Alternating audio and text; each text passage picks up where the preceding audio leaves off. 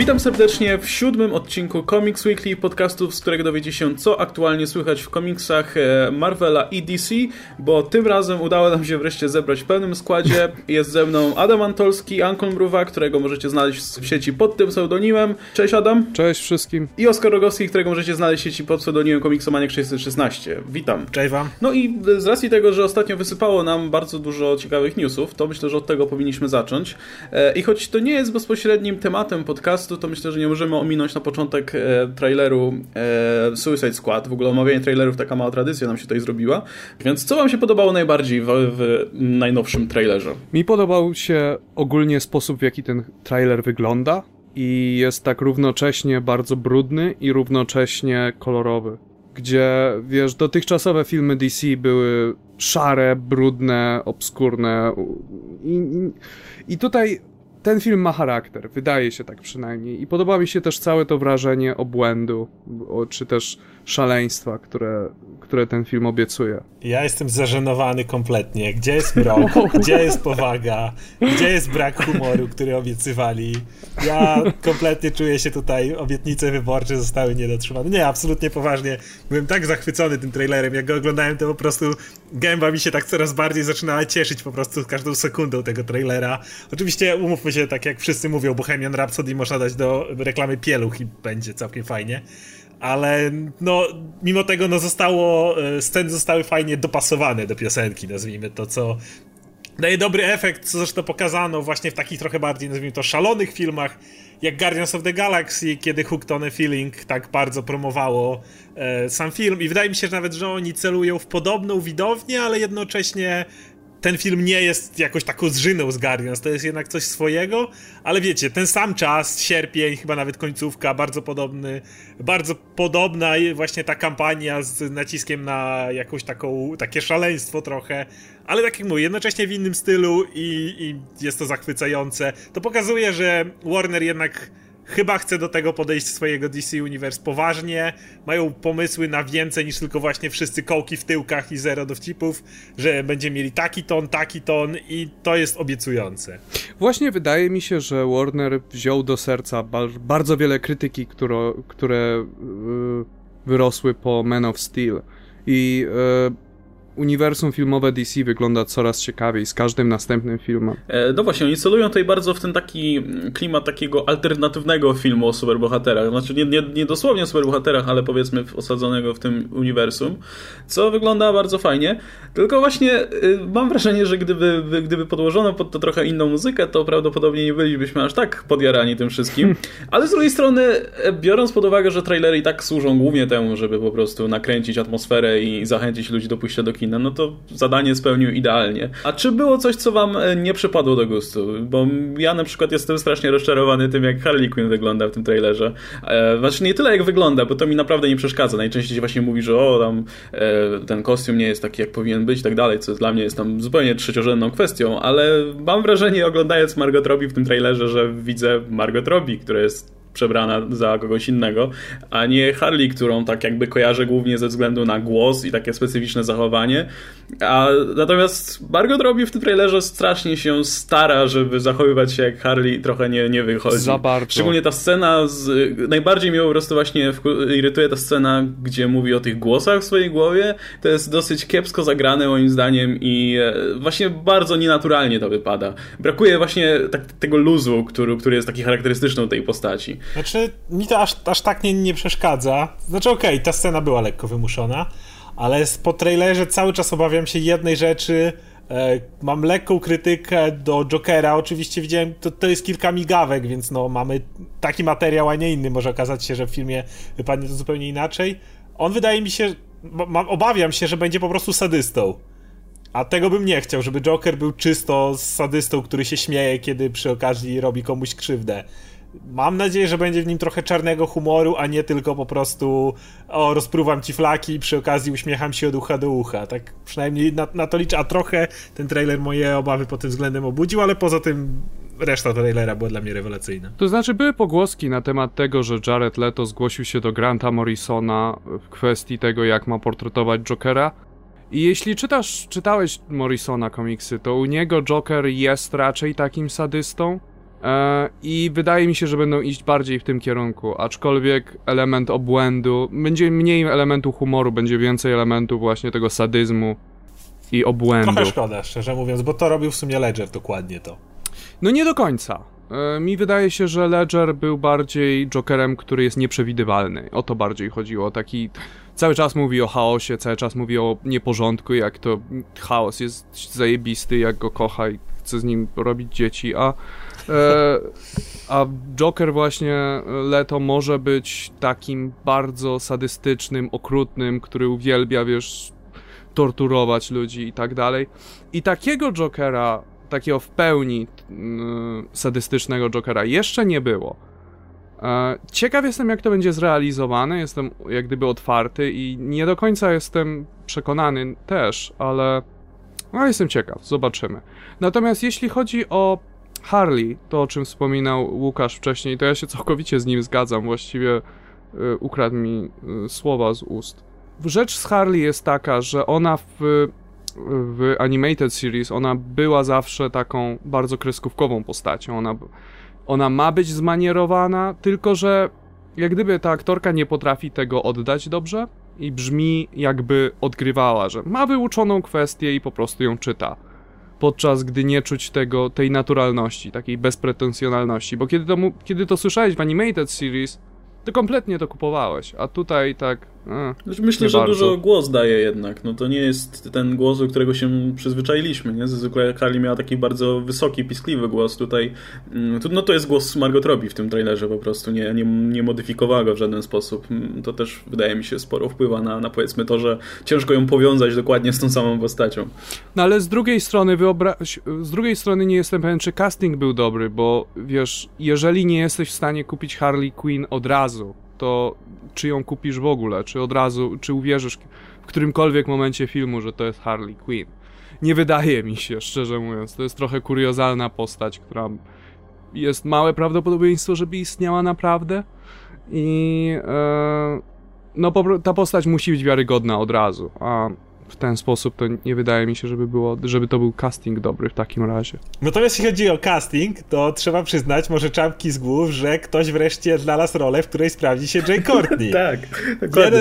Wódz, który dużo krzyczy i rzuca się na ludzi, to wydaje mi się idealna rola po prostu stworzona dla tego aktora, bo na razie no, w żadnej roli mu w kinie nie wyszło, ale może wreszcie to się, mi się uda. strasznie podobała ta scena, gdzie on tam znalazł moment, żeby po prostu sobie otworzyć puszeczkę i się tam napić czegoś w trakcie tak, tak akcji. Tak, tak. Taki, taki żul wódz. tak, tylko że wiesz... Może wreszcie będziemy zadowoleni. Tak, tylko że on do tej pory nie miał okazji się jeszcze odezwać tak porządnie, nie? A z Harley też tak było, że ale póki to... się nie odzywała, to, to całkiem mi dobrze pasowała do tej roli. Problem... Ale on nie musi się odzywać, ja on mam będzie nadzieję, krzyczał, że... bekał i będzie dobrze. Ja mam nadzieję, że się w ogóle przez cały film nie odezwie. No to, to, by było fantastyczne. To, wtedy będziemy zachwyceni jego Już. kreacją. Niech on tam, wiecie, coś harka, coś tam beka, coś tam krzyczy i będzie, i będzie super. J ilekroć Jay Cartney się odzywa, to natychmiast ocena filmu spada o jeden. za każdym razem. Więc... No ale mówię, on tutaj może coś tam harkać pod nosem, coś tam krzyczeć, coś tam piwko sobie otworzy i według mnie idealny casting wtedy. To wtedy ktoś po prostu wyciągnął Jaya Corteya i stwierdził, jest, mamy dla niego rolę, wreszcie. Więc no tutaj trzeba przyznać, jest jakiś powód. Ale to nie koniec newsów w ogóle z obozu Warner Bros., z obozu ekranizacji DC, bo pojawiły się jakieś tam koncept arty odnośnie e, Justice League, gdzie widać, że Flash nie będzie miał swoich antenek, co jestem trochę tym rozczarowany. No i pojawił się przede wszystkim materiał pierwszy e, z Wonder Woman, tak I jest. Całkiem, całkiem, całkiem fajnie wyglądał. Natomiast e, myślę, że też wywołał sporo zdziwienia z racji tego, w jakim okresie umiejscowiono akcję i w jaki sposób e, fabuła ma być poprowadzona, bo tam też pierwsze przecieki się pojawiły. To jak wam się to podobało w takim razie? To znaczy o, o tym, że będzie akcja osadzona w czasach I wojny światowej, to już wiedzieliśmy od jakiegoś czasu. Widzieliśmy już zdjęcia z planu, widzieliśmy w jakich są strojach i tak dalej. E, I generalnie to takie newsy są trochę nic nowego. Po prostu to, co już wiedzieliśmy, podane w fajnej, ładnej formie. Ale jak na razie mi się podoba. Nie jestem do końca pewien, czemu przenoszą tak daleko w czasie, bo e, już o tym pisałem na Facebooku, ale myślałem na początku, że to chodzi o zrobienie takiej wiernej Golden Age e, Wonder Woman. A okazuje się, że właśnie do czasu I wojny światowej, czyli jeszcze wcześniej niż pierwsze komiksy z nią. Yy, i nie jestem pewien. Jestem, jestem ciekaw i mi, wydaje mi się, że jest film w dobrych rękach. Podobało mi się szczególnie jak e, pani reżyser filmu, jak e, Patty Jenkins mówiła o tym, że e, Wonder Woman powinna być dobra, kochająca i tak dalej i, nie, i że równocześnie powinna być silna. I wydaje mi się przez to, że wiesz, że nie dostaniemy filmu, który, który będzie przesadnie eksponować którąkolwiek z jej stron i że będzie tak dobrze zbalansowany. Więc, wydaje, więc ja jestem bardzo optymistycznie nastawiony do tego filmu i e, Gal Gadot mi się coraz bardziej podoba w tej roli. Jakby na początku byłem bardzo sceptyczny, a teraz coraz... I im dłużej, tym bardziej się oswajam z nią w tej kreacji. Ja mam taki jeden problem póki co z tymi wszystkimi promocjami. Gal Gadot wygląda według mnie super jako Wonder Woman. Patrzysz na nią i po prostu widzisz Dianę.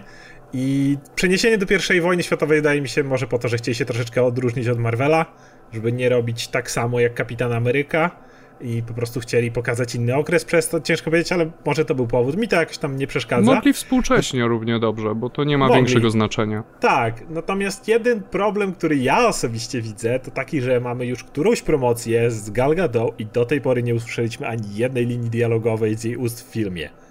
I to jest cały czas według mnie trochę niepokojące. To znaczy, no dobra, jeżeli mają już w jednym filmie i już są w zaawansowanym e, stadium e, zdjęć do kolejnego filmu, no to raczej mm, to nie jest tak, że tam, nie wiem, będą ją dubbingować czy coś w tym rodzaju, bo zmienili aktorkę. Ale jednak no chciałbym zobaczyć jak ona gra, jak ona gra w jednej scenie, bo ja w życiu nie widziałem tej aktorki w jakimkolwiek filmie, żeby ona grała, bo mimo, że jestem fanem Szybkich i Ściekłych, to no to, to nie była gra aktorska, co ona tam robiła. Ja bym bardzo chciał zobaczyć jak ona rozmawia z Bruce'em, jak ona, jeżeli już mamy promocję tego filmu, to jak ona rozmawia z, jak się nazywał ten pilot? Yy, Trevor. Steve Trevor. Trevor. Tak, Steve Trevor. Mhm. No właśnie, jakaś z nim wymiana słów, no cokolwiek, jak, jedna scena, w której widzę grę aktorską Gal Gadot, ona by mnie już kompletnie uspokoiła. Ale ja nie chcę bo... słyszeć tego, bo bym musiał słuchać Chrisa Pina, a tego wyjątkowo nie chcę. Okej, okay, to, to, to, zobaczmy, jak ona rozmawia ze swoją matką Hipolitą, ale o. cokolwiek, bo, bo rozumiesz, tak jak ja miałem obawy i z każdym następny pokazuje mi, że ona wygląda coraz lepiej, coraz bardziej czuję w tym Wonder Woman, ale no bez, bez dialogów to cały czas no, moje obawy nie zostaną uspokojone, póki tego nie zobaczę. A czy usłyszę. Nie, no to jest prawda w tym, co mówisz. Ja się zgadzam. Wydaje mi się, że yy, jak gdyby zbyt dużo ukrywają na temat Wonder Woman, że starają się robić z tego taki wielki sekret w DC i i ilekroć się pokazują, mamy, ma nam mózg wybuchać, że ojej, wreszcie robią Wonder Woman, podczas gdy dostajemy zbyt mało takich uczciwego, świeżego mięsa na temat filmu, informacji. W takim razie czas przejść do nowości komiksowej, bo tutaj też wysypało, wysypało newsami, zarówno z Marvela, chyba więcej e, tych informacji było z Marvela i z DC. Zacznijmy może od naj, najważniejszego, najważniejszej informacji, której nikt się nie spodziewał po prostu od dawna, e, czyli, że Steve Rogers wróci jako Kapitan Ameryka, a przynajmniej zostanie odmłodzony. Wow. Wow. E, jeszcze mi powiedz, że Bruce Wayne wraca jako Batman. nie, nie, nie, to nie. E, ale to znaczy tak, to jest ponoć zrobione głównie po to, żeby uczcić tam 75 lat tej postaci i jestem ciekaw, czy w sumie, czy te plany były, czy gdyby nie ta rocznica, to da, dalej by sam sobie, da, to dalej by sam działał jako Kapitan Ameryka. W każdym razie Steve wróci, ale nie przejmie tarczy od sama, tylko będzie miał nową tarczę, będzie miał nowy kostium, który jest cholernie brzydki, tak swoją drogą. O, strasznie. E, I wygląda na to, że będziemy mieli dwóch kapitanów, przynajmniej przez jakiś czas E, w uniwersum Marvela, co sprawia, że to jest tak jakby, nie wiem, kolejny bohater, tak. który, który istnieje powiedzmy w dwóch wersjach, mówiąc najogólniej w uniwersum Marvela. I teraz, e, wczoraj wam o tym mówiłem, chyba, chyba nawet obu wam, e, że to robi mały problem, jeśli chcesz komuś wytłumaczyć, kto jest kim w uniwersum Marvela, bo masz dwóch, będziesz miał dwóch kapitanów Ameryka, masz żeńskiego Thora, dwóch Wolverinów i żaden z nich nie jest tak. tym właściwym. Trzech Spidermanów. Trzech Spidermanów. Oczywiście X-Meni są w parach już od jakiegoś czasu. E, dwóch Cyclopsów było, dalej Dwa, dwóch Angelów. Dwóch było prawie Angelów jest chyba nawet ze trzech, jeśli ten, e, który to się zależy. pojawi w Uncanny X-Men jest z kimś jeszcze innym. I to jest taka, jest, ja mam wrażenie, że tak jakby Marvel trochę utknął w takim rozkroku, że oni chcieli zrobić taki jakby przekazanie pałeczki w stylu właśnie Legacy Heroes, o czym mówiliśmy w którymś tam odcinku wcześniej, ale potem stwierdzili, że no w sumie to jednak można by przywrócić tych bohaterów, niech sobie funkcjonują razem. E, I, i, wte, I robi nam się sytuacja, gdzie mamy po prostu tych bohaterów więcej. I oczywiście uniwersum jest na tyle pojemne, żeby ich wszystkich pomieścić, ale no to robi duże zamieszanie. W, w przypadku paru bohaterów, nie mam, szczególnie tych takich drugoplanowych, nie ma nic przeciwko. Na przykład nie przeszkadza mi zupełnie, że jest dwóch Hawkeye'ów na przykład, e, co w sumie i tak pojawiają się w jednym, w jednym zeszycie, więc nikomu to nie przeszkadza. No ale dwóch kapitanów teraz znowu, co też zresztą ujmuje mimo wszystko trochę Samowi tej jego roli, którą nie da, dopiero co dostał, mimo że oczywiście dalej będzie ją kontynuował. To znaczy to strasznie ujmuje przez dwa względy, jak gdyby zabiera mu trochę jego własną tożsamość, bo wcześniej, póki, póki zanim został kapitanem Amery Ameryka, to był Falconem i to była jego własna tożsamość, którą on sobie wyrobił, jego własna sława. Teraz przejął e, cudze miano, został Legacy Hero i w momencie, kiedy Kapitan Ameryka wraca, jaki jest sens zostawać przy tym mianie? I to takie dziwne, bo to jak gdyby sugeruje, że wiesz, że ta jego tożsamość, tą całą, całe, całe jego własne dziedzictwo się nie liczy. I szczerze mówiąc, wolałbym, gdyby każdy z tych dublowanych bohaterów, może z wyjątkiem X-Menów, bo tutaj to e, ma sens w kawyczkach, to e, wolałbym, żeby każdy z nich istniał jako osobna postać, albo przynajmniej, żeby wymienili ten oryginał w pełni, żeby oryginału nie było, bo wygląda naprawdę dziwnie. Ja mam wrażenie, że Marvel odkrył recepturę, jak, jak zjeść ciastko i mieć ciastko, bo to szczególnie widać właśnie przy Spider-Manie. To jest tak, że z jednej strony my chcemy rozwoju postaci, ale gdzie tutaj ten Peter, nastolatek i tak dalej, no to macie Milesa i jest dwóch. I tak wydaje mi się, że oni robią mniej więcej teraz z każdą postacią. Chcą ją rozwijać, ale jednocześnie chcą zadowolić też tych starszych fanów albo tych nowych fanów, którzy przyszli z filmów lub gdzieś tam się obiło im o uszy i teraz dostają postać i nie do końca wiedzą co to jest. Więc y, Marvel wydaje mi się odkrył tą recepturę i teraz sobie jej, że tak powiem, używa tak trochę nawet nadmiernie. To samo jest z Kapitanem, to samo jest z Wolverinami. Z jednej strony wrzucamy Laurę, ale wrzućmy Oldman Logana, żeby no był ten, ten Wolverine, którego bardziej, wiecie, klasyczny, którego ludzie bardziej kojarzą.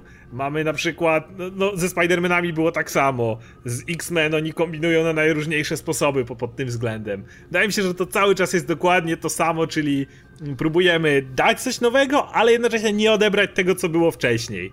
Y, I to ja uważam, że w wielu miejscach działa. Na przykład takiego Spider-Manem już się zachwycaliśmy wcześniej. Mhm. Uważam, że mm, dynamika Thor, Jane e, i Thor Odinson może być fajna, jak on wreszcie podniesie ten cholerny młot z Ultimate, bo wiemy, że to zrobi przecież. Z Kapitanem nie wiem, szczerze mówiąc. To zależy, jak oni będą to chcieli zrobić. Na przykład tylko, że to jest nazwa Kapitan Ameryka, bo można tak pomyśleć, że wiecie, yy, Falcon będzie działał na przestrzeni Stanów Zjednoczonych, a Steve będzie kapitan America of the World, czy coś takiego, wiesz. I będzie się zajmował, będzie top cop i będzie jak Shield, nie wiem, Kapitan ale... ONZ. Bo idea jest taka, o czym y, nie wiem, czy wiecie, y, słuchający y, w kwestii kapitana Ameryki, a czy Steve'a Rogersa dokładniej, że plan był taki, że go postarzono i pierwsza rzecz, jaką zrobiono, to go jakby usunęli z akcji. On nie, nie chodził na no był starszy, nie był w stanie walczyć. E, był motyw, że nie wiem, wszedł w jakiegoś tam robota, ale i tak było mu ciężko tak, ale walczyć. Wiesz, jeszcze przerwać na chwilę. By, były komiksy, gdzie on się po prostu pojawiał w cywilu, sobie spacerował, tak, odwiedzał tak, Shicha o, o, dalej. O no laseczce. Był, tak, no był tym szanowanym, wiesz, weteranem. Gościem, ewentualnie siedział w bazie. Tak, ewentualnie działa gdzieś tam w cieniu. Tak, a potem tak, nagle tak. go ubrali w mundur. I stwierdzili, a, stary, ale jary. I mamy na przykład najnowszy składron Supreme, o którym pewnie jeszcze sobie pogadamy w dalszej części, gdzie walczy z nim Darkhawk i Darkhawk sobie myśli, e, żeby go pokonać będę potrzebował wszystkiego, co mam.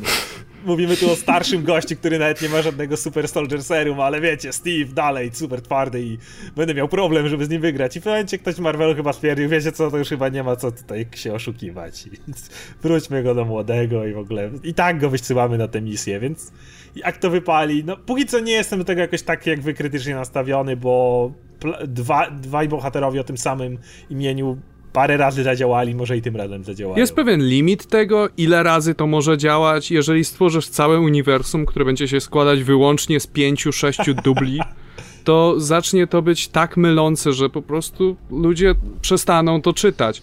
I ja mam trochę bardziej cyniczne podejście do tego, dlatego że są dwa oczywiste powody, które przychodzą do głowy, kiedy, dlaczego to zrobili. Jeden jest taki, że wychodzi film z Kapitanem Ameryką niedługo, więc dobrze by było mieć jednak e, komiks ze Steve'em e, na półkach. I drugi powód jest taki, że przynajmniej jak patrzyłem sprzedaż w grudniu, e, sam nie sprzedaje się tak dobrze, jak się spodziewano. Co szkoda, bo to jest interesujący tytuł. E, ale może liczą, że w ten sposób mogą, będą w stanie nawet sama po jakimś czasie zapromować. Wiesz, ludzie wrócą do Steve'a Rogersa i tam będzie sam się pojawiać i promować, hej, ale zobaczcie, jakie osom przygody są u mnie. Ale to nie jest I... złe w sumie. Tak, tak działa prawo rynku od zawsze. Żadna postać to znaczy, nie, no to i... szczególnie w komiksach, gdzie wiesz, gdzie masz łączone uniwersum i z natury gościnne występy promują inne zeszyty ale y, no nie, nie, nie widzę tutaj żadnego kreatywnego powodu, dla, żeby przywrócić Steve'a i to jest, to jest moje główne zmartwienie.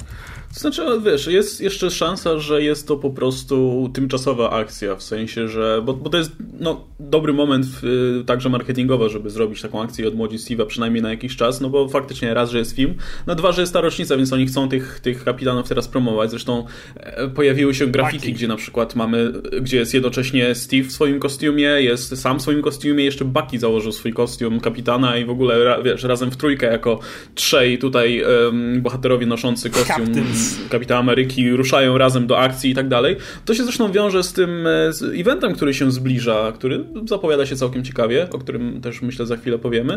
Ale też jest możliwość, że po prostu wiesz, że, że wypromują to, co trzeba wypromować, a potem wrócą do starego układu i, i tyle, wiesz, bo by, były zapowiedzi, gdzie, gdzie trochę niejasno powiedziano, co się stanie, bo był, był, było, była zapowiedź, gdzie była mowa o tym, że Steve ostatni raz zostanie poproszony o podniesienie tarczy, coś w tym stylu.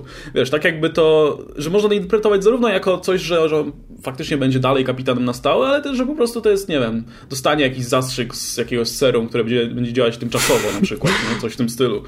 E, także no, to się cały czas zapowiada jako coś na rocznicę, więc nie wiem, no, równie dobrze to może faktycznie, wiesz, trwać długo, a równie dobrze może, może zostać szybko zakopane pod dywan. To może pójść w każdą stronę tak naprawdę w tej chwili. To może, może, może być też tak, że za jakieś pół roku na przykład sam wróci do swojego starego yy, miana albo zyska Ale jeszcze nowy nowe... Falcon, wiesz? Jest nowy Falcon. No to jeszcze Falcon. nowe zyska. E, American Falcon, czy coś w tym stylu. Captain Falcon. Captain Falcon. Ja myślę, że nie będą już, jeżeli już odmłodzą Steve'a, to już go nie, nie postarzą. Aczkolwiek wydaje mi się, że ta postać trochę urosła ponad miano kapitana Ameryki już jakiś czas temu był ten motyw y, po całej tej Civil War rejestracji, y, kiedy on był tym American Top Cop, jakby szef SHIELD. I to jest bardziej postać, która wydaje mi się lepiej działa w tej chwili jako taki właśnie taki szef, taki gość, który gdzieś tam to organizuje, tak jak w Uncanny Avengers obecnie. On jest tym gościem, który tam wszystko planuje i ma, ma konkretnie, organizuje wręcz cały światek superbohaterów. Nawet koordynuje z innymi drużynami, z tymi Avengers Starka obecnymi, czy kimś takim. I on bardziej się sprawdza jako ktoś taki, ale myślę, że już go nie będą z powrotem postarzać, jeżeli wróci do młodości, bardziej na zasadzie takiej, jak trzeba, to da komuś mordę, ale zostawmy go jednak wyżej niż, niż w samym polu walki. To by było Będzie głupie. Lepsze miejsce dla To by było głupie, gdyby go, wiesz, natychmiast potem postarzali, wiesz, a, tak, a tak, później znowu odmłodzili po jakimś czasie, bo postanowili, że hej, wiadomo, chcemy mieć tak starego będzie, kapitana tak. Amerykę, więc go znowu odmłodzą i tak, wiesz, raz na pół roku jestem, mam 20 lat, a zazwyczaj koło 80. Dokładnie.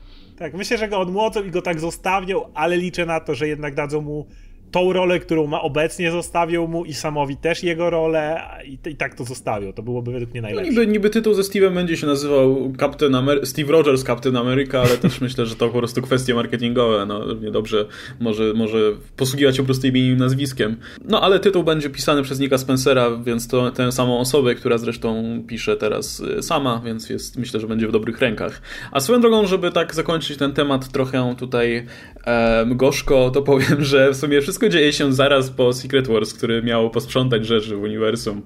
No, trochę, trochę, trochę nie wyszło. E, no i właśnie, mamy jeszcze jedną taką ciekawą zapowiedź. E, w zasadzie zapowiedź pojawiła już jakiś czas temu, ale teraz mamy trochę więcej informacji. E, mianowicie o tym evencie, który się zapowiada na niedługo. Właśnie w związku z tą całą imprezą świętującą urodziny kapitana.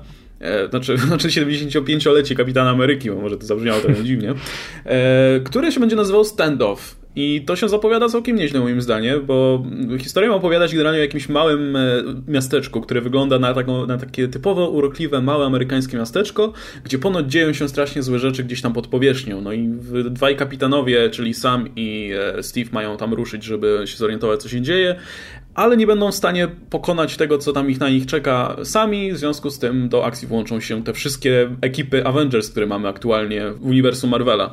Więc myślę, że może być ciekawie. Też Nick Spencer to pisze. O ile oczywiście e, e, edytorzy nie będą tam za, za bardzo, w, w, wiesz, wiadomo, wciskać swojego nosa i, i tłumaczyć, co, co mają robić, to myślę, że Nick Spencer to po, pociągnie. E, no i ciekaw jestem właśnie tych interakcji przede wszystkim między kapitanami obecnymi, byłymi i wszystkimi innymi. Na pewno wygląda to lepiej niż Civil War 2. Tak, właśnie pomyślałem sobie tak, że e, przywrócenie kapitana Ameryki, Steve'a, do odpowiedniego wieku, do tego, do którego jesteśmy najbardziej przyzwyczajeni, e, byłoby dobrą okazją na konflikt. I na tym można by było zbudować e, Civil War 2, na tym, że o, część uniwersum jest ze Steve'em, a część popierałaby sama. Podczas gdy e, no, te teorie, które tam tydzień temu, o których tydzień temu mówiliście, brzmią strasznie tak mało angażująco. Jak gdyby ciężko mi o Johnego Storma jakiekolwiek emocje wzbudzić we mnie. Przy czym już wiemy, że to nie będzie John nie będzie, Storm, okay. bo zapowiedzieli wyraźnie, teraz obecnie wszyscy w puli śmierci obstawiają Rodiego War Machina ponieważ jest on najlepszym przyjacielem Starka, a jednocześnie chłopakiem Karol, więc jakby znowu ktoś, kto jest dokładnie pomiędzy nimi. No i zresztą... Pula śmierci się zmieni. Tym bardziej, że Rhodey się specjalnie w komiksach nie pojawia od jakiegoś czasu, od czasu, kiedy jego solowa seria po prostu nikt jej nie, nie czytał, bo była okropna, a od tamtej pory w zasadzie nie odgrywa żadnej roli. No i odegra teraz rolę w tym najnowszym story arku w Invisible Iron Man. War Machines się nazywa zresztą i będzie się koncentrował na nim, więc to, to wszystko ładnie się faktycznie łączy ze sobą. I naprawdę Marvel Marvel się stara, żebym się w ogóle nie przejmował śmiercią, ktokolwiek tam umrze. No ale y, na pewno ten nowy event mnie interesuje dużo bardziej. Przede wszystkim jest jakaś tajemnica, jest jakieś tajemnicze miasteczko i tak dalej. Ja nie wiem, co się będzie działo. To jest dla mnie w ogóle niesamowite. Przecież każdy event, każdym czy to DC, czy Marvelu jest od dawna reklamowany. Ej, wiecie o co będzie w tym evencie chodziło? Ten i ten zginie, a tamci go zaatakują i będą się bili. Yes! A teraz nie wiem, nie wiem, nie mam pojęcia. To jest super. Nie, tego uczucia nie miałem od tak dawna. Nie, ale też fajnie będzie zobaczyć, wiesz, historię skoncentrowaną na, na, na obu kapitanach. No i też jestem ciekaw, jak te, wiesz, wszystkie drużyny Avengers ze sobą współpracują, bo też nie było okazji jeszcze ich zobaczyć, powiedzmy, w przynajmniej większości, jak się ze sobą komunikują. Także no, to, to akurat się może zapowiadać całkiem nieźle, no, ale szczerze, to się skończy jak zwykle. Nie, nie oszukujmy się. Pewnie tak. Chociaż no, jeżeli kapitan jakoś tam wróci, jeżeli jakieś nowe status quo zostanie ustalone pod względem jakiegoś porządku, plus sam event będzie niezły, no bo umówmy się, eventy zawsze są po to, żeby zmieniać status quo trochę, namieszać w nim, e, więc liczy się tak naprawdę tylko to, w jaki sposób zostanie nam to podane. Czy to będzie original scene, gdzie jak wszyscy chyba zgadzamy się, mogłoby być e, ej, zbierzmy konferencję, słuchajcie, nowe status quo, to rozchodzimy się do domów. tak, tak było w original scene. No, czy jest trochę więcej mięsa w tym, jak na przykład w Infinity, czy kilku innych miejscach, gdzie no, to się dobrze czyta. Bo to tylko o to chodzi, jakby ostateczny efekt eventu, wszyscy wiemy po co to jest, jakby, no, także liczycie no, historię. Po to, żeby uzasadnić powstanie nowej, nowej, nowego komiksu z Kapitana Ameryki. na przykład. A czy coś ciekawego działo się w obozie DC? Bo ja na do tej pory najciekawszą informacją, jaką znalazłem, to to, że zmienia się ekipa e, w Graysonie i to samo w sobie może nie jest jakimś wielkim newsem, ale obecna ekipa stwierdziła, że odchodzi z tytułu głównie dlatego, bo szykują coś nowego związanego z Dickiem, więc prawdopodobnie faktycznie zmienił mu się e, jego rola i będzie jakiś nowy tytuł. Już się związany. zmieniła, już się zmieniła jego rola. E, nie jestem pewien, czy mogę mówić, to, chociaż to już ma tydzień, więc mogę powiedzieć. E, skoń, to dobra, skończy... to jak ktoś, jak ktoś komuś nie pasuje, niech przeskoczy sobie o pół minuty i... E, skończył już. się e, Robin War. Tak jakby się, jak opowiadałem w podcaście o tym, że prawdopodobnie zmieni się status quo Damiana Wayne, nie zmieniło się. Ani trochę. To dobrze. Szybko, szybko, pół ja minuty minie zaraz. Aha, okej. Okay. E, okazuje się, że e, Trybunał Sów przejął kontrolę nad Dickiem Graysonem i teraz nim manipulują i że będą, będą jakieś niecne plany i że prawdopodobnie pod koniec wróci do roli e, Nightwinga. To jest, jest już zapowiedziane tak, bardzo ostro zasugerowane, dlatego że co chwilę powtarzają Nightwing, Nightwing. No, to muszę powiedzieć, że nie jestem specjalnie zachwycony, chociaż nie wiem, może, może jeśli będzie to pisać ta sama ekipa, która pisała Graysona, to, to może się tym zainteresuje. Znaczy, zakończenie Robin. War, o ile cały event był naprawdę fajny, to zakończenie jest tak głupie, że jestem trochę, jestem trochę gorzki na tym punkcie. Ale no zobaczymy. E, jeśli chodzi o nowe rzeczy, to oczywiście wszechświat dalej się rozwala w Titan War. E, Titan Hunt, przepraszam, najmocniej to przez, to przez Robin War. Harley dostanie z 20 nowych tytułów, tak. więc to nowego. E, dzisiejszy numer Batmana był zaskakująco fajny. E, była konfrontacja z Jokerem, ale nie taka, jakiej można by się spodziewać. Znaczy, zazwyczaj spodziewamy się tego, że jak jest konfrontacja z Jokerem, to dadzą sobie po mordzie. A tutaj była bardzo. No nie chcę, nie chcę tutaj zdradzać, ale mów dzisiaj. ogólnie, mów ogólnie. No, było to bardziej, było to bardziej e, jak gdyby rozmowa pomiędzy tymi dwoma i takie odkrywanie tego, bo obaj nie zdają sobie sprawy tym, kim kiedy wcześniej byli. I jest taka, rozmawiają jak gdyby zamiana ról, gdzie Batman mówi zazwyczaj te rzeczy, które Joker mógłby powiedzieć i Joker mówi te rzeczy, które zazwyczaj Batman mówi. To naprawdę dziwne, ale ma sens w kontekście I kończy się tym, że zgadnijcie, kto wróci do roli Batmana. Czy to Nie będzie wiem. Dick Grayson? Jason Todd. Dammit.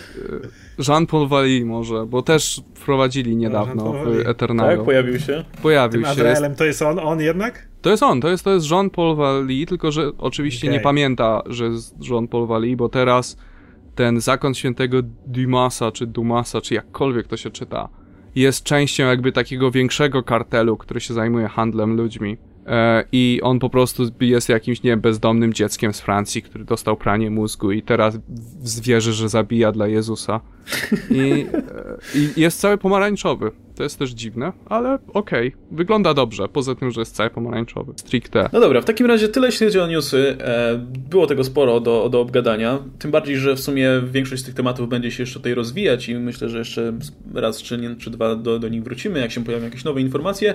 Tymczasem możemy przejść tutaj do naszego, no powiedzmy, może nie tyle tematu tego odcinka, ale tej kwestii, której, na którą tutaj ja osobiście najbardziej czekałem, czyli e, Unjustice. To jest tytuł, e, który wychodzi już od jakiegoś czasu i do tej pory jakoś nigdy się nim nie interesowałem specjalnie, ale potem ktoś mi powiedział, że jest bardzo dobry, to raz. Dwa, że e, zaczął to pisać Tom Taylor, który, którego strasznie lubię ostatnio, więc stwierdziłem, że sprawdzę. A czyta się to bardzo szybko, bo to jest wydawane w taki specyficzny sposób. Internetowo zdaje się tylko cyfrowo, i... Tak, to jest e... część e, digital first, to znaczy to działa na tej zasadzie, że najpierw wydają cyfrowo takie pół numeru, a później papierowo po jakimś czasie, po miesiącu czy coś wydają papierowo pełen numer. Tak, więc ja czytam te cyfrowe wydania i one wychodzą po prostu co tydzień i są bardzo króciutkie, więc no po prostu zrobił się taka moja tygodniowa tradycja, żeby zacząć od właśnie czytania nowego Unjustice. No i było trochę nadrobienia, bo teraz trwa rok piąty. Tak, no i, ostatni. I trzeba by w takim razie jakoś sensownie zacząć dla kogoś, kto nie wie o co chodzi, z czego to się wzięło, bo była gra Injustice. Czy graliście tak. w grę? Tak, tak. ja grałem. E, jak wam się podobała gra i e, w sumie nie wiem, kto, kto z was się z tego, tego podejmie, ale jakby ktoś mógł streścić w takim razie, e, jak się ma gra do komiksu. To znaczy ja może się podejmę tego drugiego zadania najpierw, bo gra mi się bardzo podobała. E, generalnie pamiętacie taką grę, która jakiś kilka lat temu była, gdzie to było e, D Mortal Kombat versus DC Universe. Tak, A, była tak. słaba, szczerze I mówiąc. główną krytyką, główną, główną krytyką tej gry, jak gdyby taką powtarzaną w każdej, w każdej recenzji, było to, że dlaczego nie można zrobić fatality na Batmanie, albo coś w tym stylu, albo czemu Batman nie może zrobić fatality, to bez sensu, co to za Mortal Kombat jakieś dla dzieci. No i postanowili to naprawić w tej grze, która już jest wyłącznie z bohaterami DC musieli wymyśleć jakiś bardzo skomplikowany, fabularne wyjaśnienie, jaki sposób e, Superman, który, wiesz, nie zabija nigdy, może komuś zrobić ciężkie fatality w stylu Mortal Kombat. I wymyślili taką e, fabułę właśnie, że, wy, e, że teraz spoiluję grę, więc to nie, to nie będzie spoiler dla komiksu wymyślili fabułę, że Superman został oszukany i zamordował e, Lois Lane niechcący. Został oszukany przez Jokera. I w tym momencie e, po prostu Superman stracił, po prostu postradał zmysły i postanowił zawładnąć światem, dlatego że to jest coś, co chcesz zrobić zazwyczaj, kiedy ci się zdarza nieszczęście w życiu. Jeśli jesteś superbohaterem. Bo jak nie jesteś superbohaterem, to zostajesz Batmanem albo coś w tym stylu. I później ci tam Batman stoi naprzeciwko temu Supermanowi i sprowadza superbohaterów z uniwersum, gdzie Superman nie został, nie postradał zmysłów i oni go pokonują. Spoiler kompletny. E, no i Injustice e, Comics jest takim jak gdyby backstory. Te całe 5 lat, które doprowadziło do wydarzeń z gry. Gdzie poznajemy, co się stało na samym początku, jak doszło do ruchu oporu, poznajemy każdy jak gdyby zakątek uniwersum DC, jak na to reagował, jak się zmieniał, kto umarł, kto nie umarł, kto przeżył, kto został więziony i tak dalej, i tak dalej. I y, Tom Taylor pisał pierwszą połowę, prawda? Tak, dwa i pół roku zdaje się. Tak, dwa i pół roku. I ta pierwsza połowa była naprawdę niesamowicie dobra. Byłem zaskoczony, bo zazwyczaj jak Zazwyczaj jak masz komiks, który jest powiązany z grą, to zazwyczaj jest to robiony tak na tak, szybko. Czytałem, czytałem na przykład... Contest of Champions? No, mm. ale czytałem, to wiesz, to, to jest akurat popierdółka. Zresztą Contest of Champions też akurat nie jest aż tak zły, ale na przykład czytałem Mortal Kombat X komiks, e, no i ten no, był naprawdę kiepski. W zasadzie całość no. sprowadzała po prostu do wyrywania sobie serc z klat i w ogóle lania Muszę to krwi. przeczytać. Nic poza tym, a Injustice faktycznie zaskakuje, szczególnie jeśli pomyślisz, że to jest po prostu tain do gry, jakby nie patrzeć. Tak. I wiesz, ilość emocji, które są w stanie wycisnąć z tych pojedynczych wydarzeń. Generalnie Injustice działa tylko dlatego, że kilka bohaterów zostało napisanych poza ich charakterem, bo jak gdyby kupuje jeszcze to, że Superman postradał zmysły i stał się obłąkany, jest to naciągane, ale okej. Okay ale na przykład to, jak się zachowuje Diana w tym komiksie jest kompletnie przeciwne do tego, jak się powinna zachowywać, wiesz, w jakimkolwiek z mainstreamowych uniwersów do tej pory. E, no ale to jest jak gdyby takie, wiesz, dobrowolne zawieszenie niewiary. Jeżeli by się zachowywała tak, jak się zachowuje zwykle, to by ten, tego komiksu nie było. Więc musimy to jak gdyby przyjąć po prostu jako część, jako część e, pakunku. E, jest taki jeden moment w tym komiksie, w którym ja autentycznie uroniłem łezkę, dlatego że nie byłem przygotowany. Jak myślę sobie, haha, Injustice Comics na podstawie gry jest ten moment taki, gdzie między Batmanem i Catwoman, momencie kiedy umiera pewna ważna postać, sugeruję wam, nie chcę spoilować, bo naprawdę chciałbym, żeby jak najwięcej osób ten komiks przeczytało. I autentycznie czytałem to w nocy, gdzieś tak trzeciej nocy leżałem sobie w łóżku i tak! natomiast, y, natomiast jeśli chodzi... Ja myślę, że każdy może sięgnąć po ten komiks, dlatego, że robi fantastyczną robotę w ogóle w przedstawianiu tego uniwersum. Dowiadujesz się wszystko o każdej postaci, która ma jakąkolwiek ważną rolę. I ja myślę, że wiesz, że to, jeśli by więcej osób czytało ten komiks, to byśmy do uniwersum DC zyskałoby bardzo wielu fanów. Właśnie to, co mówisz, to ja chyba jestem tego najlepszym przykładem, bo nie znam tak dobrze uniwersum DC, a e, Injustice 4 lata przerobiłem chyba w 3 dni? Coś takiego czytania, po prostu jeden, jeden komiks za drugim. To było, w ogóle ten komiks był tak wciągający, że można sobie, aha, sięgnę jeszcze po ten jeden numer, a potem zrobię to, co mam zrobić. I tak wiesz, 10 numerów później okazało się, że rok się kończy, a no to chociaż może sprawdzę, jak się zaczyna następny. I to było na tej zasadzie, ale tak, y, ja wiadomo, jak nie, nie zna się dobrze czy Marvela, czy Disney, to jakiś tam background, nie do każdej serii, ale do niejednej chce się zrobić, coś się chce wiedzieć, a Injustice zachęciło mnie to, że mogę zacząć to czytać z marszu. Nie ma to żadnych tainów, co jest wbrew pozorom bardzo zachęcające, bo czytasz jedną serię i wszystko z niej rozumiesz nie jest w żaden sposób powiązane, w żaden większy sposób z tym, co się dzieje ogólnie ze światem DC. I to jest coś, czego wręcz zazdroszczę, że ma to DC, a Marvel czegoś takiego nie ma. Serii, której możesz poznać jednocześnie wszystkich bohaterów. Jasny jest kontekst taki, że no nie wszyscy zachowują się y, tak, jak się zachowywać powinni, jakby no, no, o to chodzi, ale jednocześnie można ich poznać. Można, ja na przykład nie znam dobrze postaci Johna Constantine, który się tam też pojawia i sobie od razu mogę jakieś, jakieś zdanie o nim wyrobić, na przykład jak on w komiksach się zachowuje.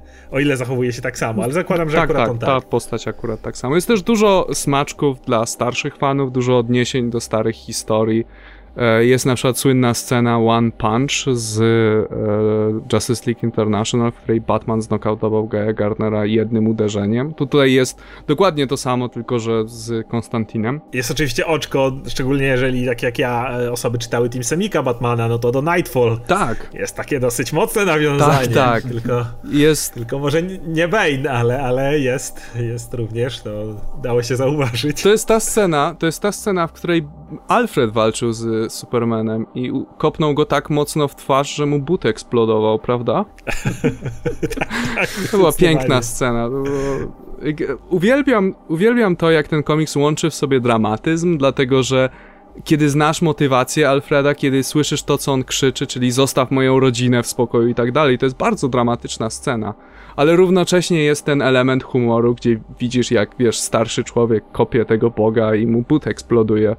Gdzie jest taki bardzo ładna dynamika, gdzie cały czas utrzymuje twoją uwagę. Co jest jeszcze fajne, jeżeli ktoś szczególnie nie grał w grę, no chyba wszyscy najpierw graliśmy w grę, ale nie masz kompletnie pojęcia, kto zginie, kto przeżyje. Jakby to jest, to jest ta, ta taka świeżość w e, Marvelu czy w DC, kiedy wiesz, normalnie dana postać jak ma zginąć, to oczywiście 5 miesięcy wcześniej będą to ogłaszać we wszystkich serwisach, gdzie tylko się da.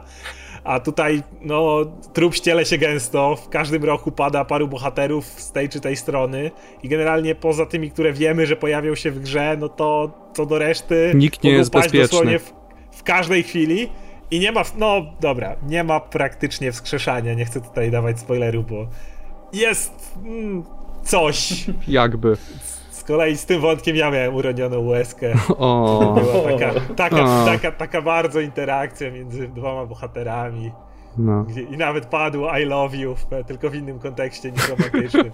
Takie, takie słodkie. Mi się strasznie podoba, jaki jest różnorodny Gregonik. W sensie e, on się zaczyna dosyć spójnie, bo odpowiada ten początek z samej gry, potem idzie swoim torem, e, ale tak jakby od któregoś momentu zaczyna po prostu z każdym rokiem pokazywać coś zupełnie innego. Mamy te wszystkich tych bohaterów operujących magią w jednym roku, w innym roku się ci bogowie greccy pojawiają, e, także to, to się Była wielka wojna z latarniami, gdzie... No, właśnie, w latarnię wcześniej. Zaatakował, tak. Zresztą też całkiem ciekawy wątek. Faktycznie ten komiks łączy takie bardzo poważne sceny, które faktycznie ruszają, mimo że znasz te postacie na dobrą sprawę tylko z tego komiksu, bo wiele z nich faktycznie tutaj e, no, nie przypomina mocno swoich wersji z mainstreamowego uniwersum ale i tak się do nich przywiązujesz, szczególnie do tych po tej e, dobrej stronie, powiedzmy. Czy czytaliście drugi annual, ten, który wyszedł a, albo w ty, tym roku, nie, nie z Lobo, Lobo był pierwszy annual chyba.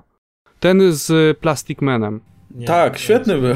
Rewelacyjny. Muszę go nadrobić. Ja Nadrób go, bo to jest tak jakby perfekcyjne wprowadzenie do postaci Plastic Mana. Dowiadujesz się wszystko o nim, dowiadujesz się jaki jest charakter, jakie są granice jego mocy, jaki, wiesz, jaki jest czasami potrafi być przebiegły i potężny i dlaczego w głównym uniwersum czasami, wiesz, Plastic Man to taka trochę zabawna e, comic relief postać, ale czasami jak się pojawia w głównym uniwersum, to E, wszyscy, wiesz, srają w gacie, dlaczego Plastic Man tutaj jest i się są przerażeni. I w tym komiksie dowiadujesz się dlaczego, bo dowiadujesz się, do czego jest zdolny, dowiadujesz się jego relacji, o jego relacji rodzinnej i to wszystko w jakichś, nie wiem, 30 stronach. Jest no, naprawdę... I jeszcze dostajesz dobre. historię do tego.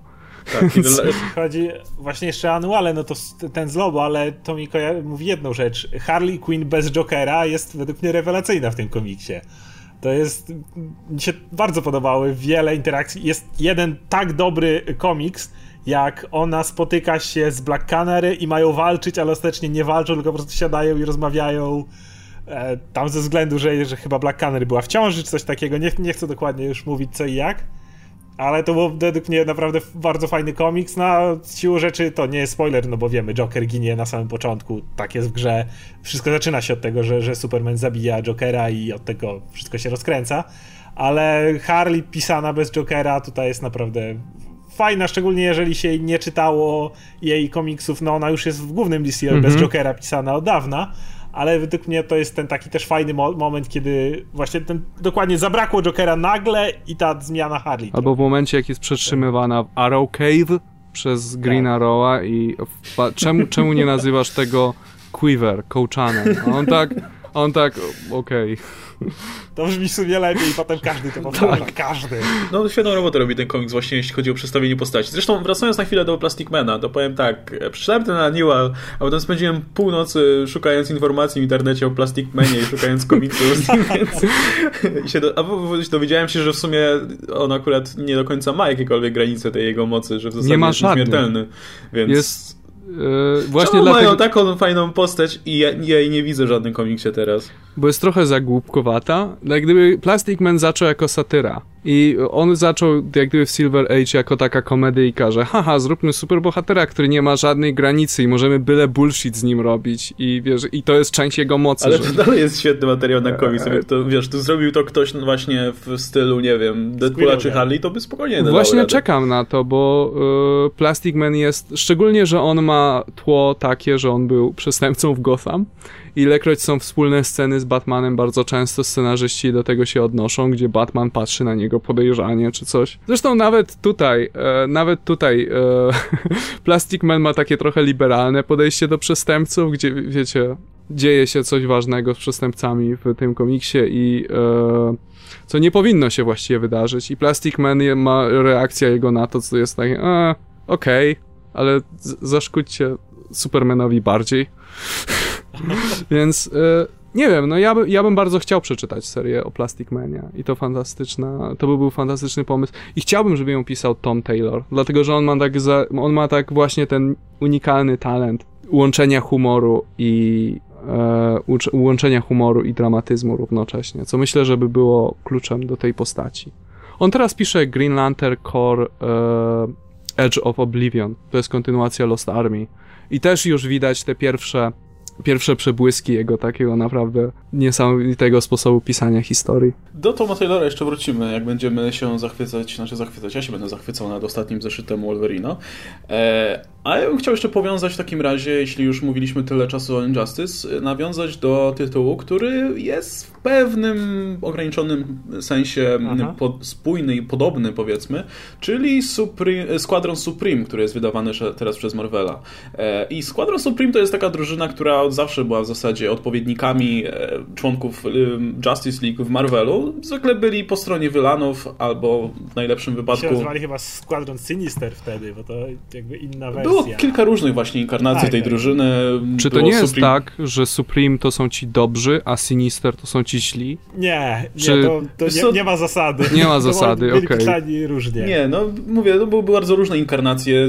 Też się często różnili charakterami, czasami byli właśnie otwarcie wylanami, czasami byli e, po prostu antybohaterami. Było... Warto zaznaczyć, że to są za każdym razem to były te same postacie, ale z innych uniwersów, więc tak naprawdę to były inne postacie. To znaczy masz, to jest trzeci raz Hyperion, ale to w ogóle nie jest Hyperion, który ma cokolwiek wspólnego z tymi Hyperionami, którzy byli wcześniej na przykład. I tak musisz patrzeć na wszystkie te postacie w ten sposób. Więc to, to, to, to jest też ważne, że to nie jest tak, że to jest znowu zbierają się ci sami bohaterowie.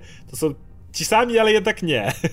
No, także myślę, że tutaj nie będziemy wnikać za bardzo tutaj w historię Squadron Supreme i rozmaitych tutaj innych wersji tej drużyny, bo no, to jest materiał naprawdę na całkiem dużo no. gadania. Pomówmy o tym zespole, który aktualnie jest w uniwersum Marvela, który jest dosyć specyficzny, bo tak jak Oskar mówił, e, rozmaite składy Squadron Supreme pochodziły z rozmaitych uniwersów, tak tutaj mamy w jednym zespole członków, e, którzy każdy jest z innego właśnie uniwersum. Zwykle są to światy światy, znaczy zwykle, no, z siłą rzeczy, są to światy, które y, przestały istnieć, po prostu zostały zniszczone. Czy to... Których Franklinowi nie chciało się robić. Albo Franklinowi nie chciało się tego odtworzyć, nawiązując tutaj do tego, jak powstało nowe uniwersum Marvela.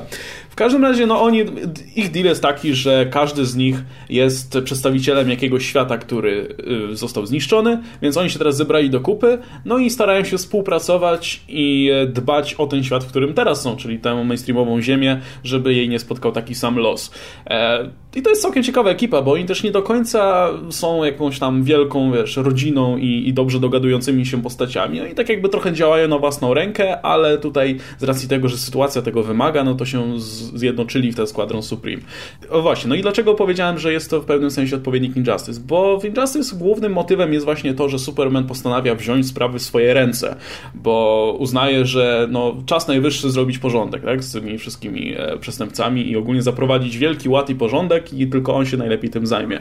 W Squadron Supreme natomiast e, cała ta ekipa stwierdza, że w takim razie jeśli Avengers nie potrafili, ani żadna inna ekipa nie potrafili obronić Ziemi poprzednio, no to w takim razie oni muszą się za to wziąć i zrobić wszystko, co należy, żeby tutaj e, no, żeby odpłacić innym za, pięknym za nadobne, no i e, w związku z tym na przykład została zniszczona Atlantyda i zabity Namor e, z racji tego, że Namor przed Secret Wars zniszczył ziemię, która należała do doktora Spectrum, jednej z członkiń e, obecnego Squadron Supreme.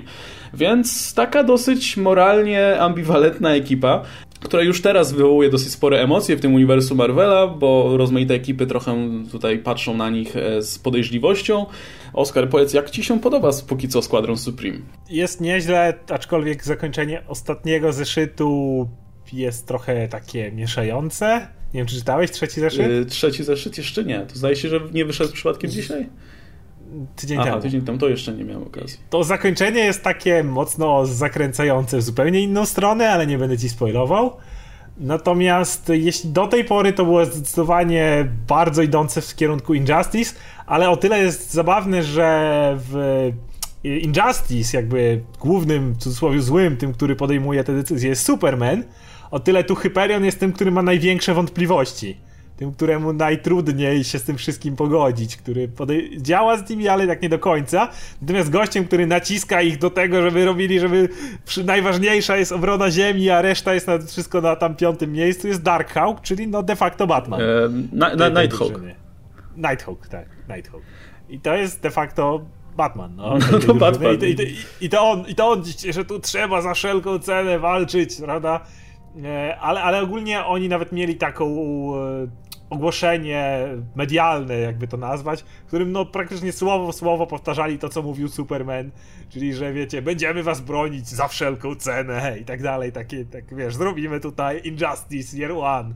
No, tylko różnica polega na tym, że tak jak wspomniałeś, po pierwsze, dogranie tej drużyny to nie jest takie jak Justice League, które kiedy zaczyna się Injustice już ma lata ze sobą, wiesz, jakiejś tam znajomości, już pracy ze sobą. Oni się dobrze nie znają, nie wszyscy mają w pełni, są oddani dla całego tego planu. I tak jak wspomniałem, Hyperion trochę czasu spędził boku Avengers, więc znowu ma wątpliwości.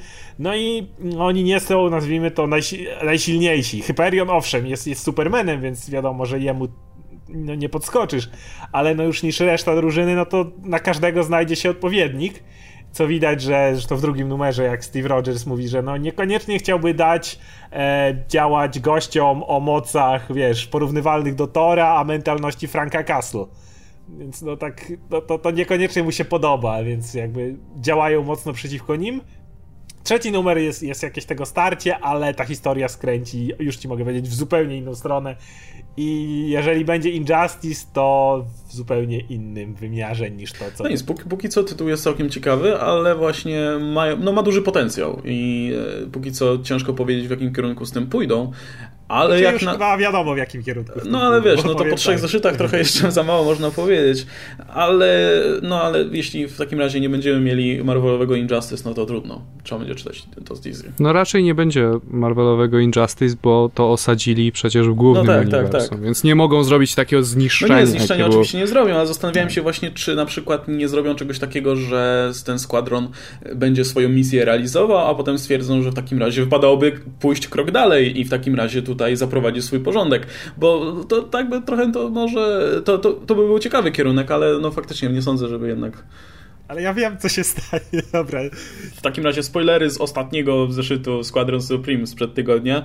E, gdzie w takim razie będzie miała. Co się w takim razie wydarzy w tej serii? Na końcu trzeciego zeszytu wpada tundra, która śledziła już od jakiegoś czasu i przeciąga ich ze sobą do Weird World, zupełnie innego świata ponieważ potrzebuje tam pomocy, więc wszystko wskazuje na to, że będzie Injustice tylko nie na ziemi, ale Weird World. Okay. I ta drużyna będzie sobie rządziła Weird Worldem w żelazną ręką uh, i zrobią Injustice, ale na Weird World, gdzie wiemy, że już jest pewien mroczny wataszka o imieniu Black Knight, który również żelazną ręką tam próbuje walczyć.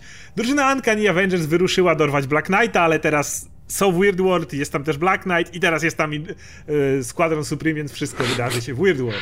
Więc no to Ziemia jest dobre jest scenariopisarstwo. Ziemia jest, jest bezpieczna i żadnego Injustice na Ziemi nie będzie. Nie mam pojęcia, co oni tak wypychają ten Weird World do przodu.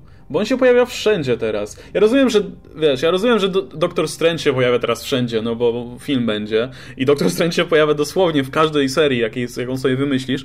Ale ten Weird World, ja nie mam pojęcia, może jakiś film będzie osadzony Weird World. Nie mo może ten tajemniczy serial jakiś. Weird World ma swój własny komiks jest głównym e, motywem w Black Knightie. Teraz wciągnęli tam cały składron Supreme razem z Tundrą i teraz oni będą walczyć i prawdopodobnie zniewalać Weird World. I nie zdziwię się, jak jeszcze gdzieś wyskoczy Weird World, więc wciskają gdzie tylko się da, ale no myślę, że jeżeli będzie Injustice, to będzie tam. To będzie po prostu takie miejsce, wiesz.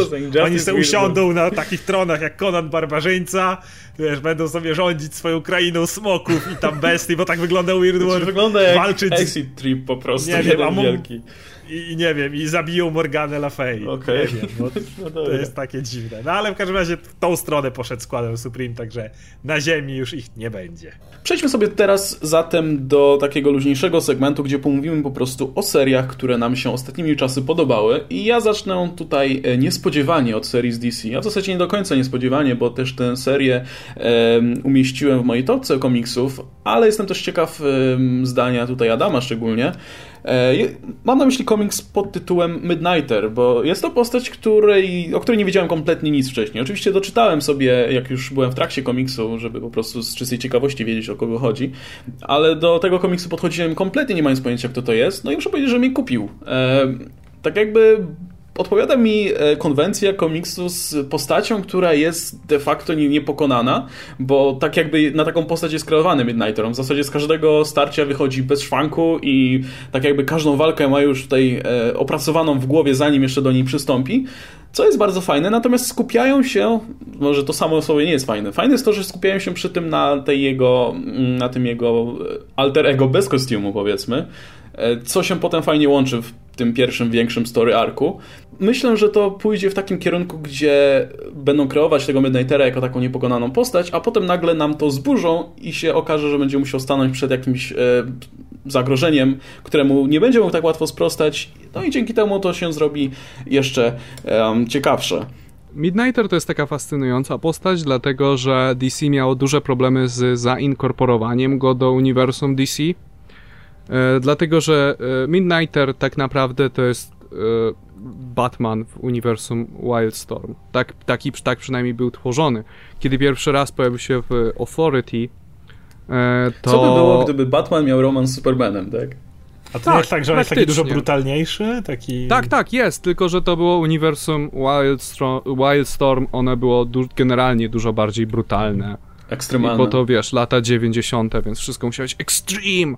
No i w momencie, kiedy Wildstorm weszło w skład uniwersum DC, to mieli duże problemy z tym. Na początku pojawił się w serii Stormwatch. Tutaj chciałbym pozdrowić naszego słuchacza Tomka, który mi truje cały czas o to, żebym mówił o Stormwatch.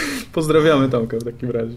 Pozdrawiamy Tomka. E, I tam jak gdyby pokazali młodszą wersję Midnightera i Apollo, gdzie byli młodzi, niedoświadczeni i nagle, wiesz, Midnighter wygląda kompletnie inaczej, Apollo wygląda kompletnie inaczej. Dlatego, że jakbyś sięgnął po e, Authority, e, to Apollo wygląda jak Fabio, który się przebrał za Supermana i e, Midnighter wygląda jak Batman, który zgubił uszy.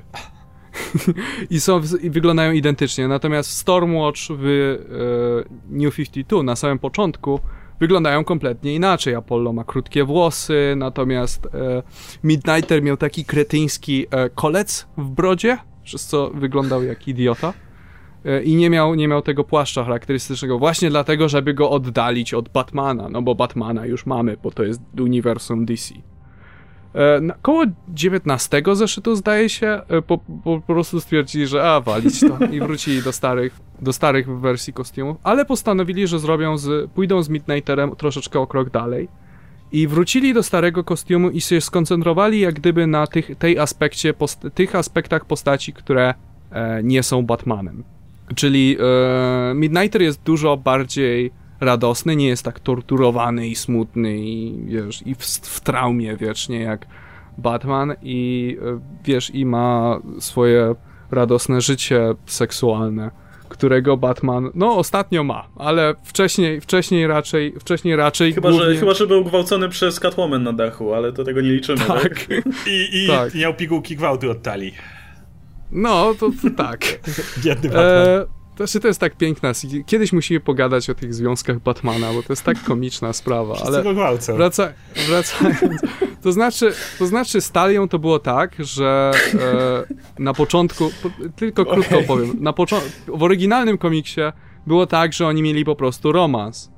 E, Grant Morrison tego nie przeczytał i pomyślał, że no jaki inaczej mieliby mieć seks? Musiała go zgwałcić, no przecież Batman by nigdy na to nie poszedł. I po prostu wprowadził te tabletki gwałtu i później, później jak się zorientował, że nie tak było w oryginale, to a, kryzys był, więc to się zmieniło i, jest, i, i teraz to są tabletki gwałtu jednak. No ale wracając do Midnightera. Midnighter kocha swoją pracę, jest wyjątkowo szczęśliwy z tego powodu, że może y, po prostu ludziom kopać po twarzy tak, że im mózgi wypadają. Natomiast wiesz, nie robi tego z takiego Poczucia wielkiego obowiązku. to też, ale w mniejszym, w, w mniejszym stopniu niż Batman z poczucia obowiązku i tak dalej. Jest bardziej otwarty, nie ukrywa swojej tajnej tożsamości i tak dalej. Co jest też ciekawe, bo e, co jest też ciekawe, bo w oryginale, w oryginale w Authority, jak gdyby Midnighter był troszkę bardziej ostrożny. Też był miał ten charakterystyczny uśmiech, ale był bardziej Batmanem jednak. No, z tego co, co się dowiedziałem, to nigdy nie ściągał maski właśnie, ale ani się Tak. nie pojawiał bez niej, a tutaj w zasadzie przez połowę czasu jest, jest bez maski, co mi na dobrą sprawę odpowiada. W ogóle ja bardzo polecam wszystkim komiks o Authority. I jeśli chcecie go kupić, to nie, nie, sięg- nie, nie chodźcie na żadne Comixology, czy na Multiversum, czy coś w tym stylu. Po prostu przejdźcie się po tanich księgarniach w waszym mieście. Jest szansa, że kupicie za 2 złote polskie wydanie. Midnighter miał kilka serii i bardzo chcę przeczytać tą jego serię e, solową sprzed New 52, kiedy była wydawana Wildstorm, bo czytałem o niej trochę i tam cofa się w czasie i kopie Hitlera po twarzy, więc... Więc jestem bardzo ciekaw. E, ciekaw tej, tej postaci bardzo. E, na pewno jest to świetne wprowadzenie, jak sądzisz? Bo dla ciebie to jest kompletnie pierwszy kontakt z tą Wiesz, postacią. to, wiesz, jak, wiesz, że komiks robi dobrą robotę, kiedy przeczytasz komiks i chcesz się dowiedzieć o postaci więcej i masz ochotę przeczytać wcześniejsze rzeczy. No i tutaj tak jest. No, to jest na tyle fascynująca postać w tym wydaniu e, i tak różna powiedzmy od tego, co mimo, że się wydaje właśnie klonem Batmana, to jest zupełnie różne od niego, e, że no, że aż chce się wiedzieć więcej. Także no, jak dla mnie świetna pozycja właśnie dla, szczególnie właśnie dla, dla osób, które DC nie czytają jakoś regularnie, a szukają jakiejś serii po prostu ciekawej, która nie jest aż tak jakoś mocno powiązana z innymi. Chociaż tutaj są pewne team-upy i tak dalej, szczególnie z Graysonem, który jest zresztą bardzo dobry. Ale myślę, że, że jako taka seria właśnie oderwana trochę od reszty uniwersum, to jest, jest sprawdza się świetnie. No dobra, Oskar, to teraz e, jakbyś mógł ty coś polecić w takim razie do czytania, co tobie się ostatnio podobało?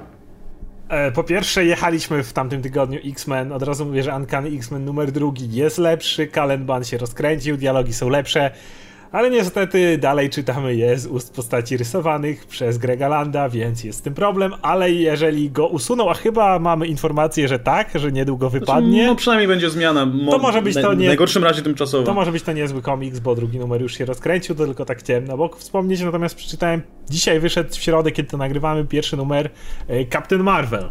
E, Co było dosyć ciekawe, bo to pisze, jeżeli zaraz sprawdzę, Michel Fazekas i Tara Butters. Nie znam ich wcześniej, nie, nie wiem co, co od Ni- nich wyszło. Nic nie wyszło, bo to są tak jakby oni się zajmowali, e, zdaje się, agentką Carter. I serialu. naprawdę pierwszy, pierwszy numer jest świetny. To Captain Marvel czyta się naprawdę fajnie. To jest zupełnie inne podejście. Captain Marvel, która staje teraz na czele tego Alpha Flight, tej takiej stacji, która, może nawet organizacji, która zastąpiła SWORD. SWORD już nie istnieje, czyli ta organizacja e, zajmująca się wychwytywaniem zagrożeń z kosmosu. Teraz jest właśnie Alpha Flight.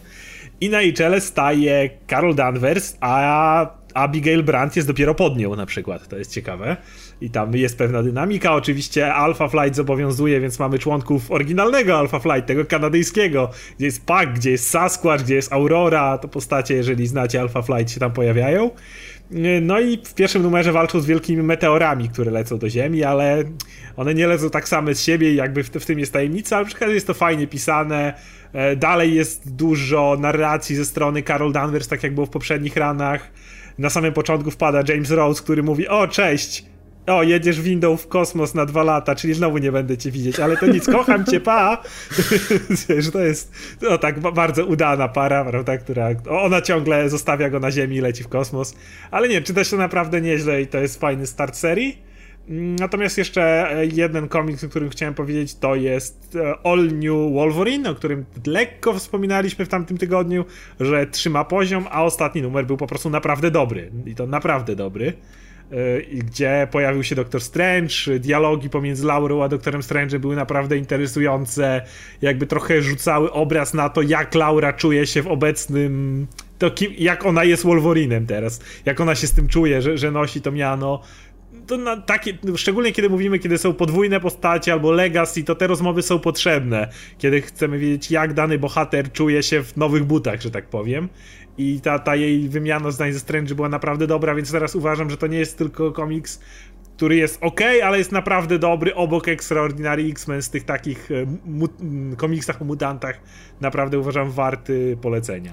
E, no tak, ja to ja może tylko dodam, że, że zgadzam się z tym w pełnej tej rozciągłości i, i tak jak mówiłem, Tom Taylor robi świetną robotę e, i tak jak po pierwsze zeszyty były ok, były całkiem fajne, wciągające, ale jakby nie wyrwały mnie z kapci. Tak ten czwarty zeszyt naprawdę bardzo fajnie rozwinął postać Laury, e, dał sporo backstory, no i fajny temat zawsze jest w scenie. No i te, te bohaterki drogoplanowe też miały fajną rolę do odegrania. Zresztą, no powiedzmy umieszczenie niczego nie spodziewających się postaci w Sanctum Sanctorum Doktora Strange'a to jest samograj, więc nie mogło to nie wyjść. Ale no mówię, no będę serię śledził, bardzo dobrze wygląda. Dobra, to jeszcze na koniec poproszę coś w takim razie o rekomendację jakąś z DC. E, chciałbym polecić Omega Man, to jest komiks, do którego ja podchodziłem trochę jak do jeża, nie byłem do końca pewien czego się spodziewać. E, Pierwszy zeszyt był bardzo dziwny dla mnie i prawie nieczytelny i czyta się to dosyć trudno. Trzeba to, trzeba trochę się skupić na historii i tym, co się dzieje. Bardzo wiele rzeczy jest nie tyle powiedzianych, co pokazanych. E, to jest taki ciekawy e, space opera opowiadająca o, no właściwie historię Omega Man, jeśli ktoś kojarzy z DC, czyli rebeliantów w systemie Vega. E, system Vega w DC jest to bardzo specyficzny układ słoneczny, dlatego że jest to E, układ, w którym nie działają latarnie w ogóle, żadne. E, jest tylko jedna latarnia na terenie układu Vega i ona nie jest zbyt przyjazna, bo to jest Orange Lantern, czyli ten, który opanuje chciwością. E, I oni właśnie występują przeciwko takiemu faszyzmowi z imperium znanego jako Cytadela. I ona się dopiero rozwija i pojawia się w tej serii Kyle Rayner i tak fajnie pokazuje ta seria, jakim jak naiwny i głupi potrafi być Kyle, a przy tym robi to bardzo inteligentnie, w sensie wszyscy wiedzą, że Kyle jest trochę głupawy i po prostu robią z nim co chcą.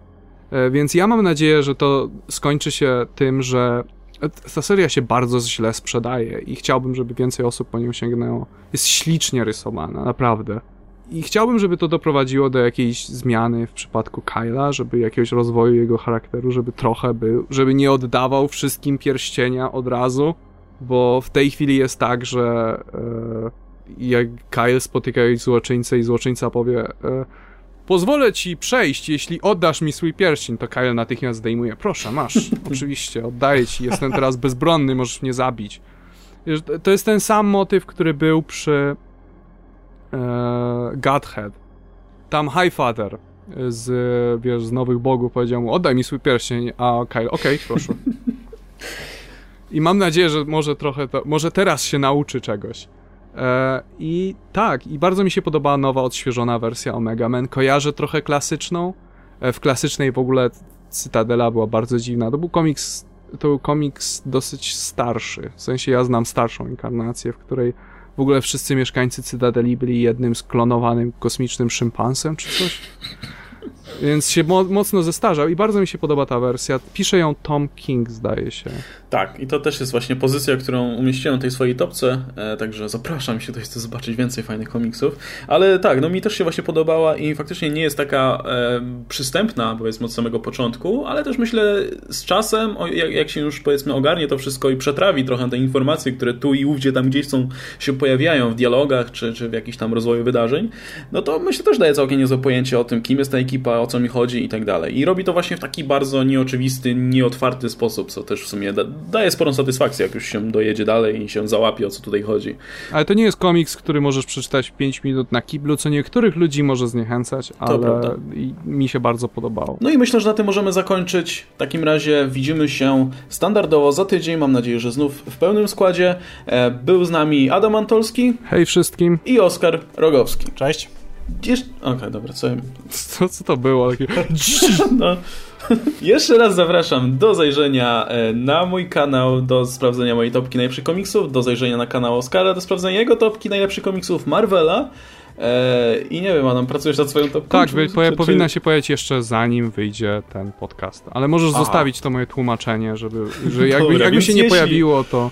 Więc zajrzyjcie na kanał Adama, sprawdźcie czy jest. Jak nie ma, no to, no to napiszcie, gdzie jest topka. E, gdziekolwiek. Więc okej. Okay. Dobra, w takim razie dzięki jeszcze raz za uwagę i widzimy się następnym razem. Trzymajcie się. Hej. Cześć.